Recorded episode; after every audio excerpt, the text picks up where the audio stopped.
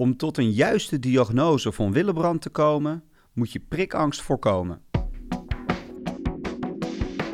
Welkom bij de podcastserie van Daisy Medical Partners, waarin Maarten Lefevre in gesprek gaat met artsen, patiënten en patiëntverenigingen om met elkaar te streven naar een optimale kwaliteit van leven voor patiënten.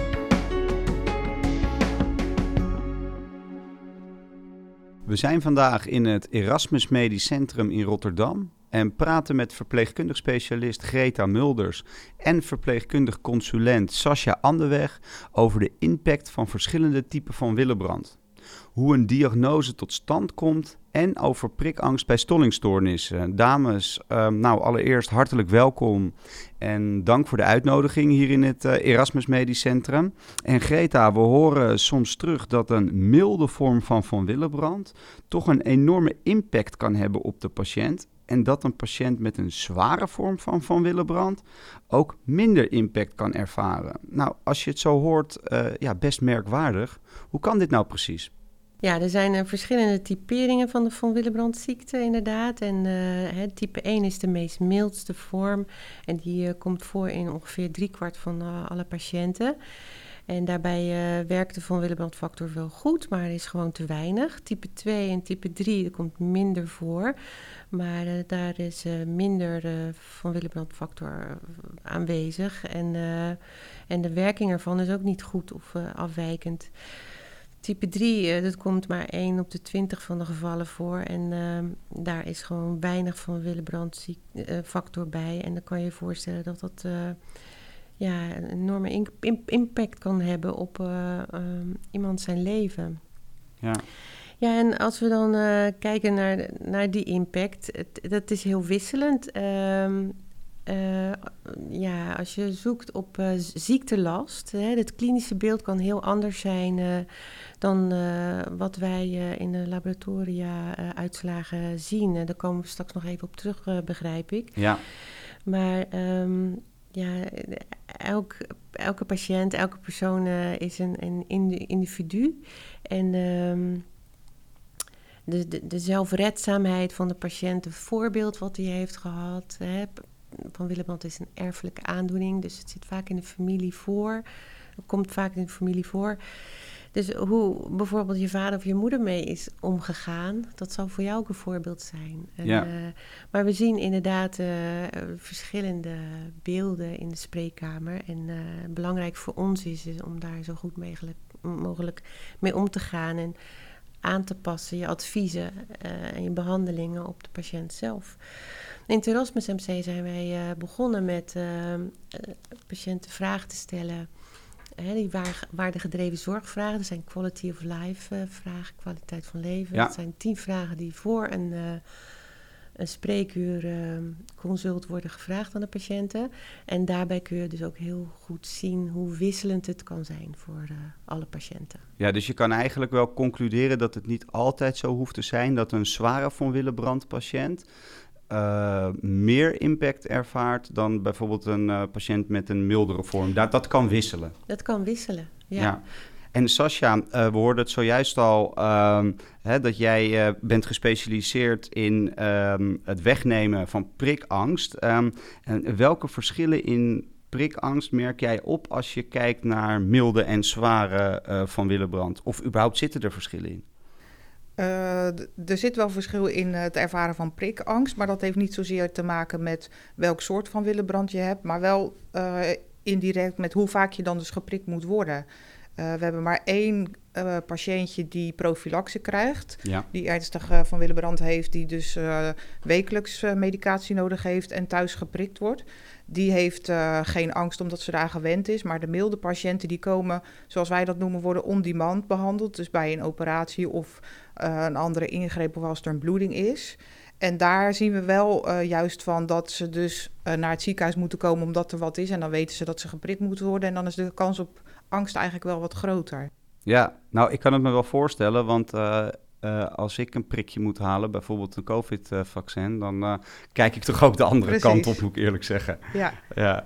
En um, um, zie je ook een verschil uh, hoe patiënten dat ervaren als je kijkt naar wat voor stollingstoornis, dus bijvoorbeeld van Willebrand of hemofilie? Nee, dat maakt eigenlijk niet uit. Dat- Het maakt eigenlijk helemaal niet uit wat voor soort stollingstoornis het is.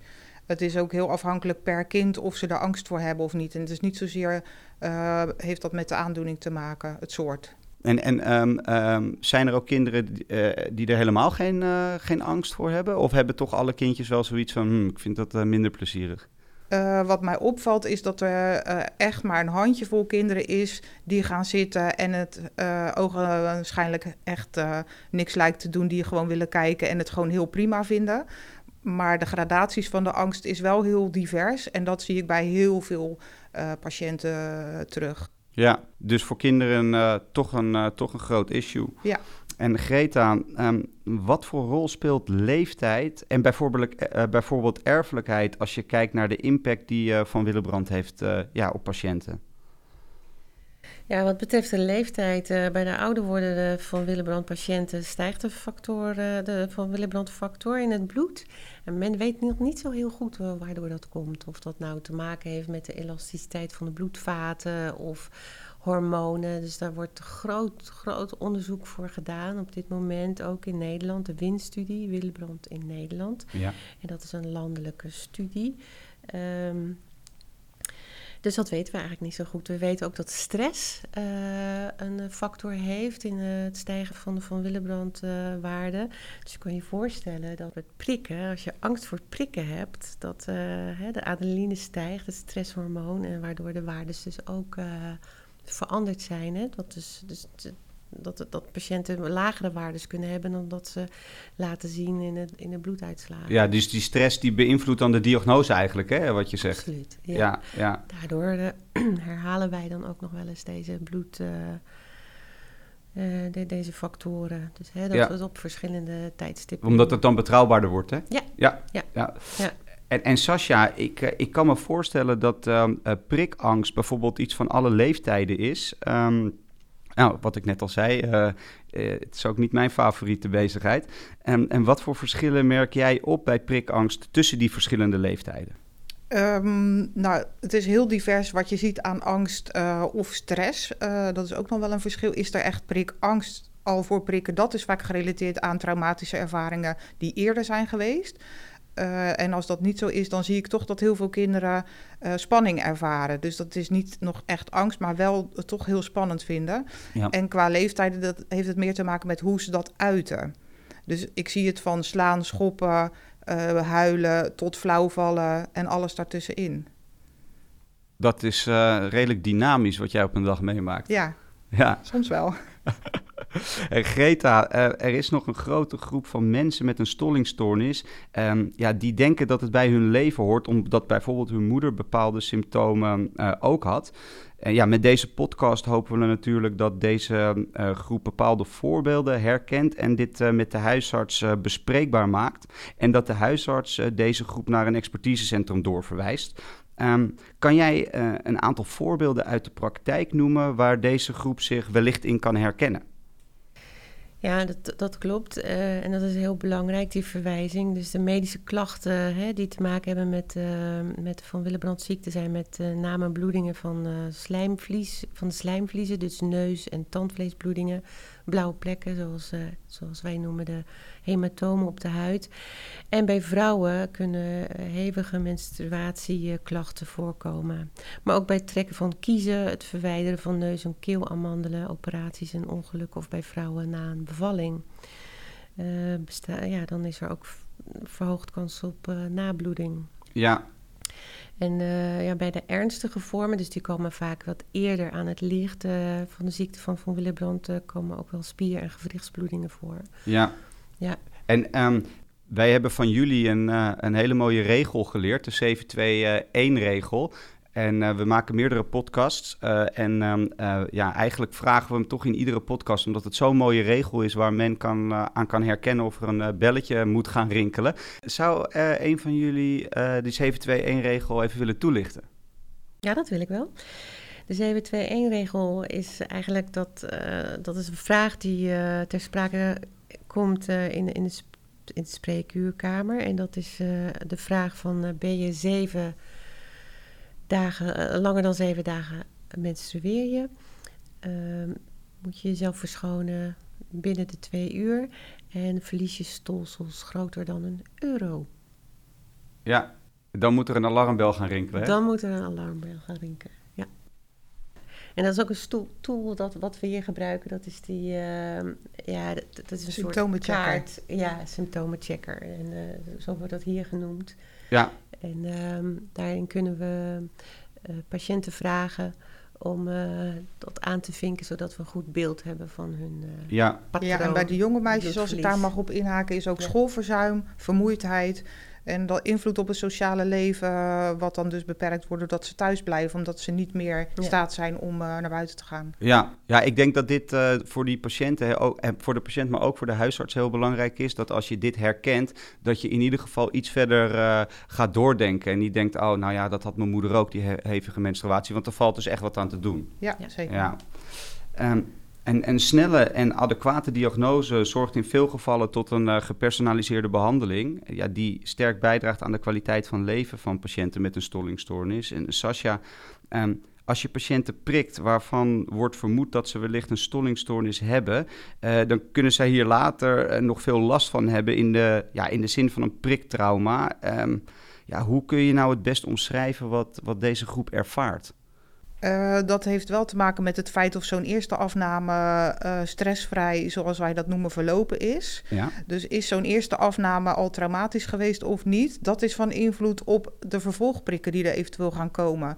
En wij zien ook dat uh, prikangst pas ook later kan ontstaan. Dan is het bijvoorbeeld een aantal keren goed gegaan. Mm -hmm. Maar daar is er een keer geweest op een priklocatie of op een EHBO of in een spoedsituatie waarin er het niet goed is gegaan. En dan daarna hebben ze dus angst ontwikkeld voor de volgende prik. En wat, wat, uh, wat verstaan we onder niet goed is gegaan?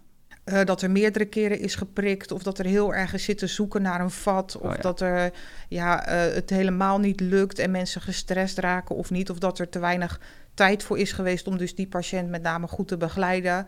Uh, Gerust te stellen. Precies. En, en, en op, welke manier probeer jij er dan ja, voor te zorgen dat die ja, prikervaring voor patiënten minder impactvol wordt? Uh, daar heb ik in principe altijd een plannetje voor. Uh, vraag 1 is altijd: kunnen we het voorkomen in de zin van is deze bloedafname echt noodzakelijk, ja of nee? En dat is ook de tip voor de huisartsen. Is, er wordt soms makkelijk gedacht, we doen wel even een bloedbeeldje of we laten even prikken. Ja. Maar je moet je altijd afvragen, is het echt nodig bij een kind? Want een vingerprikje kan al traumatisch zijn en kan al prikangst ontwikkelen. Uh, maar goed, als er dan besloten is dat er geprikt moet worden, dan maak ik een plan. En dat bespreek ik met ouders en de patiënt zelf. En dan kijk ik, is het kind eerder geprikt? Zijn er ervaringen, ja of nee? Ik geef altijd lokale pijnstilling in de vorm van verdovende zalf. Mhm. Uh, zodat ze die prik in principe minder uh, voelen. En dan kijk ik welke afleiding is er bij dit kind uh, zou werken. Het is een foefje. Dat, dat, is inderdaad eigenlijk een kunstje. En de, de kunst van ons is dan nog om uit te zoeken welk kunstje het beste werkt. En ja. uh, dat kan eigenlijk zijn van een fi filmpje kijken. Uh, we werken tegenwoordig, zijn er nieuwe ontwikkelingen met VR-brillen, projectoren, maar ook gewoon bellen blazen, een zoekboek, een verhaal vertellen, een liedje zingen. Een Elsa-film? Wij, ja, wij zetten alles in uh, uh, waarvan we denken dat het bij het kind uh, gaat werken. En het foefje is dus om ervoor te zorgen dat het kind niet in de gaten heeft dat hij wordt geprikt. Ja, afleiden. Precies. En Greta, um, nadat de patiënt dus is afgeleid en is geprikt, um, ja, wat gebeurt er dan in het diagnosetraject? Ja, wanneer de diagnose wordt gesteld, dat is per persoon eigenlijk uh, verschillend. Als het in een familie zit, dan is het snel duidelijk. Uh, ben je er niet mee bekend, dan kan het soms een behoorlijke zoektocht zijn. En uh, veel van de bij de ziekte van Von Willebrand behorende bloedingsproblemen komen dan tot uiting bij een keel-, neus- en oorarts bijvoorbeeld, of bij een tandarts, gynaecoloog of een chirurg. En zo komen ze dan terecht bij de hematoloog. Ja.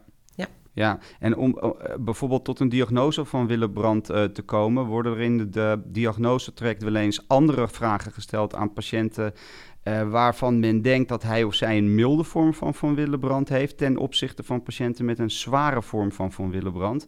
Um, en hoe kan dit het diagnosetraject beïnvloeden? Ja, wanneer er vermoeden is van zo'n stollingstoornis inderdaad, dan wordt dat door middel van bloedonderzoek duidelijk. En uh,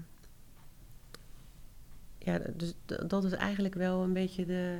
Ja, dus die anamnese die is leidend. bedoel jij? Anamnese van de bloedingsscore, daar komen we straks op terug, denk Ja, ik. ja. Van die uh, ICH-BAD-score. Dat is een hele belangrijke tool die eh, overal wordt ingezet. Ja, hoe werkt die tool?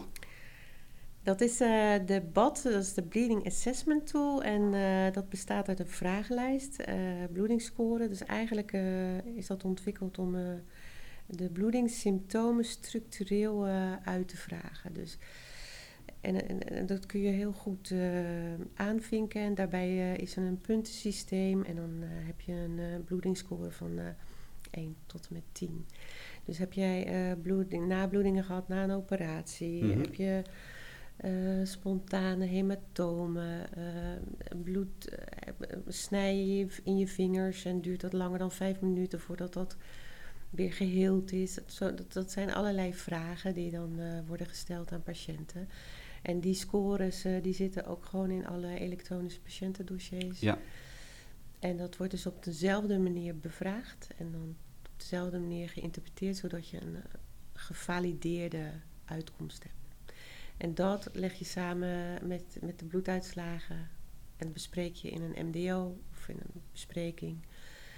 Samen met het, ehm, hè, in zo'n stoorrapport, dus na zo'n, ehm, ja, het is eigenlijk een overleg waarin je een diagnose stelt. Ja, helder. En, en daar, daar komt dus ook uit naar voren, of daar concluderen jullie uit, is het een zware vorm of een milde vorm? Ja. Ja, ja, En dan worden al die bloeduitslagen bekeken. ja, en berekend. En eh, het erfelijke aspect speelt daar ook bij. Hè? En ehm, in er, indien er geen duidelijkheid is, kun je natuurlijk ook DNA-analyse eh, verrichten. ja. En je zei net al dat bepaalde eh, ehm, factoren invloed kunnen hebben op die bloeduitslagen, zoals bijvoorbeeld stress. Ja, ja, wat kunnen redenen zijn dat het lab eh, normale waardes laat zien, maar dat, is, dat dit klinisch toch een ander eh, beeld geeft? Is dat alleen stress of, of zijn- nou ja, en ook zwangerschap natuurlijk. Oh hè? ja. ja. Dus onder invloed van zwangerschapshormonen ehm, kunnen deze waarden ook normaliseren. Ja, En dat is prachtig natuurlijk van het lichaam. En eh, dat zijn veel andere chronische aandoeningen die dan eigenlijk in een soort slaapstand komen te staan. En net als colitis ulcerosa of ziekte van Crohn of andere eh, erfelijke of ja, chronische aandoeningen. Dat gaat eigenlijk door, door middel van zwangerschapshormonen gaat het heel goed. Zodra het kindje dan weer eh, geboren is, dan eh, worden die eh waardes weer normaal laag. En dan komt vaak die bloedingsneiging weer meer naar boven. helder. Ehm, je ziet vaak bij Van Willebrand natuurlijk heftige hevige menstruaties. Hè? Als jonge meiden of vrouwen veel bloed verliezen, dan komen ze bij jullie op de, de HMB-poli. Staat voor hevig menstrueel bloedverliespoli. Hè? Daar komen ze terecht. En eh, vaak verliest deze groep ook veel ijzer, waardoor ze zich eh, erg beroerd kunnen voelen, Greta. En wat ervaren patiënten die een eh, ijzertekort hebben door flink bloedverlies? Ja, die, die, bij, bij de symptomen van bloedarmoede, hè, waarbij je dus minder zuurstof wordt vervoerd, ja, dat kan je dagelijks leven eigenlijk flink verstoren. En de meeste bekende symptomen zijn toch wel eh, duizeligheid, ehm, moe en lusteloos eh, gevoel, Ja. kortademig, uh, hartkloppingen, hoofdpijn, zweten, eh, oorsuizen en ook bleek gezicht. We- eh, deze jonge meiden kunnen echt heel beroerd zijn zodra ze een trap oplopen, echt helemaal buiten adem. Ja, Nou, het kan natuurlijk verschillende oorzaken hebben. Bijvoorbeeld dat je lichaam onvoldoende bloedcellen aanmaakt of verhoogd afbreekt. Maar eh, de meest eh, voorkomende oorzaak van bloedarmoede is ijzertekort. Ja, en want eh, we hebben het natuurlijk over patiënten op de eh, HMB-poli, dus die hevig menstrueel bloedverliespoli. Maar ik kan me ook voorstellen dat als je niet op die poli terechtkomt, dat je hier ook last van eh, kan hebben. Of is het alleen voor die hele ernstige groep? Hoe zit dat precies? Ja, dat zit wel meer eh, in deze groep van die hevig menstrueel bloedverlies meisjes eigenlijk. Wij zien bij de kinderen eigenlijk alleen soms een heel ernstig ijzertekort als ze echt een, eh, meerdere dagen flinke bloedneuzen hebben gehad. Dan is er in een enkel keer nog wel eens een transfusie nodig. Ja, Maar dat is dan echt gerelateerd aan die eh, flinke bloedneus. En verder zien wij dat eigenlijk niet bij Van Willebrand. nee.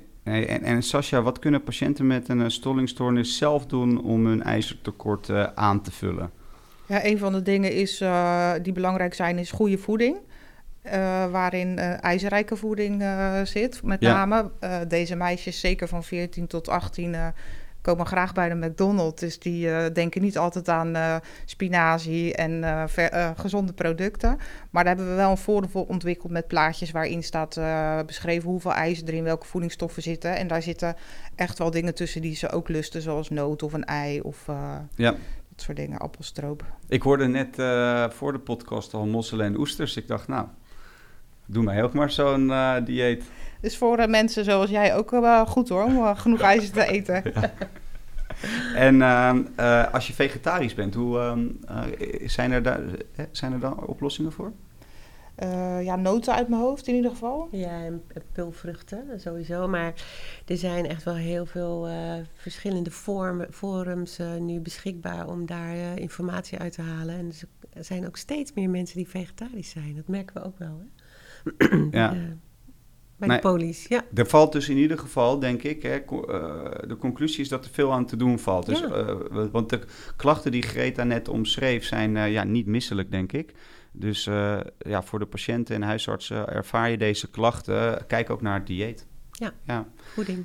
Dames, we zijn alweer aangekomen bij het laatste onderdeel eh, van deze podcast. En eh, we sluiten de podcast altijd graag af met een aantal eh, tips eh, voor de luisteraar. In dit geval de huisarts en de patiënt, Greta. Ehm, als jij nou Nederlandse huisartsen en patiënten een tip mee zou willen geven, welke zouden dat zijn? Ja, toch correcte identificatie en tijdige herkenning van eh, de milde bloedingsziekte. Dat is echt van belang eh, om bloedingen te voorkomen en ja, de kwaliteit van leven te, te bevorderen voor deze patiënten. Ja, dus dat richt je je op de huisarts. Hè? Dus Ja, eh, ja. let op dat je Ja. die symptomen waar we het zojuist over hadden, of die 721-regel, eh, ja, als je dat eh, constateert, neem dan contact op met een eh, expertisecentrum. Ja. Gel- geldt voor patiënten natuurlijk ook. Ja. Mensen die hier naar luisteren, die denken gewoon... Ja, ik heb dat eigenlijk wel, dat ik eh, langer doorbloed en eh menstruatie heel heftig is... en best wel veel blauwe plekken heb na het stoten, maar dat kan ook spontaan. Dus het is van belang om dan je huisarts te bezoeken en verwijzing te vragen... of in ieder geval ja. En daar ook, alert op te zijn. ja. Ja. En ook de menstruatie, hè, dat is vaak een taboe, maar eh, maak het alsjeblieft bespreekbaar. Ja. Sascha, Eh, mijn tip zou in ieder geval zijn om altijd aandacht te hebben voor als een kind geprikt moet worden of er angst is. En überhaupt of een kind er tegenop ziet of niet. En of een bloedprik echt nodig is of niet.